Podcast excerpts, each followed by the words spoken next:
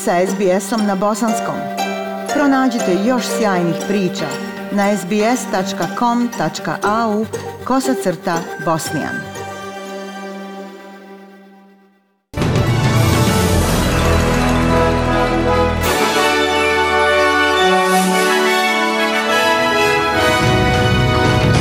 U današnjim vijestima poslušajte – Premijerka Novog Južnog Velsa kaže da je apsolutno zgrožena jučerašnjim protestima u središtu Sidneja jer država bilježi 141 novi slučaj koronavirusa, dva smrtna slučaja dok Viktorija bilježi 11 novih. Desetine hiljada ljudi u Francuskoj protestuje protiv covid mjera, a u sportu Nade Matildi za plasman u drugi krug olimpijskih igara trpe nakon poraza od Švedske. Slušate vijesti SBS radija na bosanskom jeziku. Novi Južni Vels bilježi 141 novi slučaj covid u odnosu na jučerašnjih 163. 38 od njih zaraženo je u zajednici. Dvoje ljudi je umrlo, žena u 70. godinama iz jugozapadnog Sidneja i žena u 30. iz središnjeg Sidneja. Premijerka Gladys Berejiklian zahvalila se 102.000 ljudi koji su se javili na testiranje, ali je kritikovala hiljade ljudi koji su jučer protestirali protestirali zbog blokade Sidneja. Kada su u pitanju učerašnji protesti, mogu reći koliko sam zgrožena. To mi je slomilo srce. Milioni ljudi širom naše države rade ispravno i jednostavno mi je slomilo srce što su ljudi toliko zanemarili svoje sugrađane. Molim sve da razmisle o tome. Svako od onih koji su ilegalno protestirali sigurna sam da imaju voljene. Otići će kući i riskirati da virus prenesu na svoje najbliže. Osnovan je posebna policijska jedinica koja će identificirati one koji su prisustvovali jučerašnjim protestima. Oko 60 osoba optuženo je za različita krivična djela, uključujući dva muškarca od 30 godina za navodno udaranje policijskog konja. 510 ljudi je dobilo obavijesti o kazni. Novi Južni Vels očekuje do 50.000 dodatnih doza Pfizera. Sve oči ponovo će biti uprte u brojeve slučajeva dana nakon što su jučer prijavljena 163 nova slučaja virusa najviše od prvog vala covid 2020. godine. Državni ministar zdravlja Pred Hazard rekao je da je vrlo zabrinjavajući broj od 45 zaraženih u zajednici. Odrasle osobe starije od 18 godina u širem Sidneju pozivaju se da snažno razmotre AstraZeneca nakon promjene savjeta od strane Australske savjetodavne grupe za vakcine. Zamjenik glavnog liječnika profesor Michael Kidd objašnjava razloge. Savjet regulatorne agencije je da bi sve osobe starije od 18 godina u širem području Sidneja, uključujući odrasle osobe mlađe od 60 godina, trebale razmotriti vakcinaciju bilo kojim dostupnim cjepivom, uključujući AstraZeneca.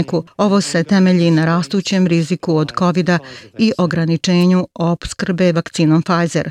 Šire područje grada Sidneja ostaje zaključano najmanje do 30 30. jula, a tri područja lokalne uprave u regionalnom dijelu države imaju naređenje da ostanu kod kuće najmanje do 28. jula, dok se vlasti bore za zaustave izbijanje delta varijante. Blagajnik u vladinovog Južnog Velsa pozvao je na ponovno uvođenje šeme subvencija JobKeeper zbog izbijanja COVID-19 na širem području Sidneja. Dominik Perot kaže da su radnici u opasnosti da, citiramo, iskliznu kroz pukotine zbog produženog lockdowna, ali Savezni državni blagajnik Josh Freidenberg rekao je za Sky News da je trenutna vladina struktura plaćanja subvencija jednostavnija i više fleksibilna. Well, well he knows.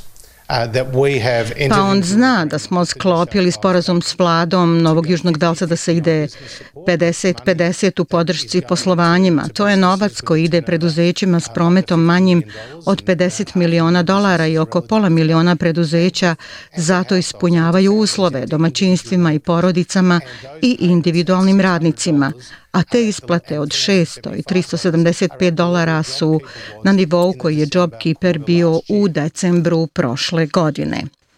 Viktorija bilježi novih 11 e, lokalnih slučajeva COVID-19 i svi su bili u karantinu tokom perioda zaraze. Glavni zdravstveni djelatnik Brad Sutton kaže da je država na putu za planirano ublažavanje restrikcija covid u utorak, ali to vlasti još ne mogu potvrditi. Naznačio je da slučajevi ne moraju doći na nulu. Ovdje nema apsolutnih presuda o svim tim aspektima i vi znate postoji li slučaj u zajednici. Mi možemo pravovremeno slijediti sve njihove bliske kontakte, a to ne znači da sve stavlja na čekanje. U međuvremenu Queensland nije zabilježio niti jedan lokalni slučaj, dok je Južna Australija zabilježila tri lokalna slučaja. Vijesti svijeta francuske vlasti kažu da je više od 160.000 ljudi sudjelovalo u najnovim demonstracijama širom Francuske protiv covid mjera. Pariz je imao najveće proteste na kojima su se neki sukobili s policijom. Oni su demonstrirali protiv zakona kojim se od svih zahtjeva posebna propusnica za ulazak u restorane i druga mjesta i kojim se propisuje cijepljenje protiv covida za sve zdravstvene radnike. Eh ovdje smo da protestujemo protiv zdravstvene propusnice, protiv obaveze zdravstvene propusnice svugdje, jer je diskriminatorna, dijeli građane, dijeli ljude, zato smo ovdje. Mi smo i protiv obaveze cijepljenja.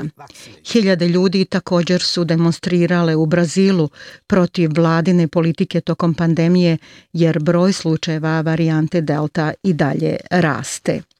Novo istraživanje pokazuje nisku stopu doniranja organa među australskim migrantskim zajednicama. Studija Australijske agencije za organe i tkiva pokazuje da se samo 112 od 7,5 miliona Australaca rođenih u inostranstvu prošle godine prijavilo za doniranje organa. Zabilježeno je i smanjenje ukupnih donora organa za 16% u odnosu na prošlu godinu.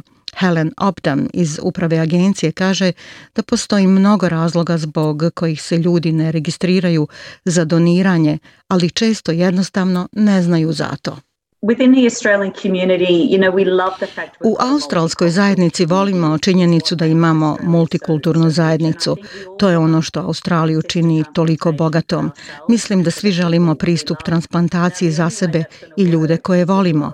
Jedini način na koji ćemo to učiniti je posao ako smo i mi voljni donirati. Važno je da ljudi iz različitih etničkih grupa budu spremni donirati. Sedmica doniranja organa traje od danas 25. jula pa do iduće nedjelje 1. augusta. Monsuni uzrokuju haos širom Azije. U Indiji je najmanje 125 ljudi poginulo u klizištima i nesrećama izazvanim monsunskim kišama.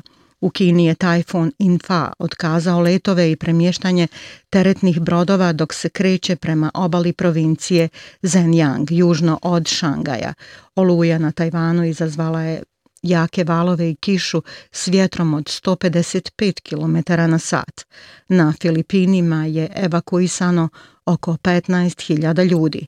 Prognozeri također upozoravaju i na šanse da bi tajfun mogao pogoditi Tokio naredne sedmice, ali organizatori olimpijskih igara kažu da su sigurni da mogu organizovati reprogramiranje događaja ako to bude potrebno.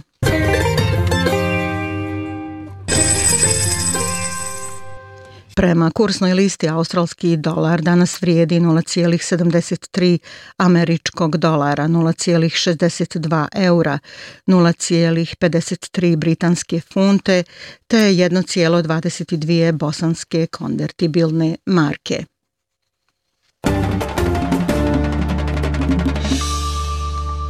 I vijesti sporta sa olimpijade Nade Matildi za plasman u drugi krug olimpijskih igara trpe nakon što su u uvodnoj rundi izgubile od Švedske 4 naprama Sa tri boda Australija bi i dalje mogla napredovati u nokaut fazi dok u zadnjem meču grupe G preuzimaju Sjedinjene države.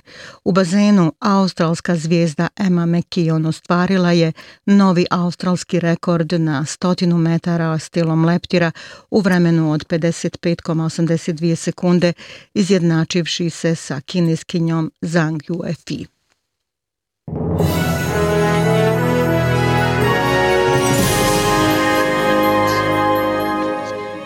I za kraj poslušajte temperaturne vrijednosti za veće gradove Australije. Perth 19 stepeni, u Adelaidu pljuskovi 15, u Melbourneu oblačno 13, Hobartu 9, u Sidneju vjetrovito i 15, Brisbaneu 21 i u Darwinu sunčano 32 stepena Celzijusa. Bile su to vijesti SBS radija na bosanskom jeziku. Ja sam Aisha Hadži Ahmetović. Ostanite uz SBS radio.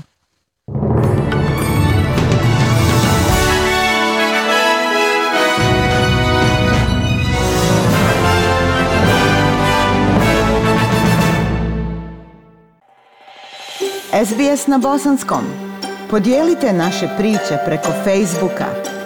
Želite poslušati još ovakvih priča? Slušajte preko Apple podcasta, Google podcasta, Spotify ili kako god da primate svoje podcastove.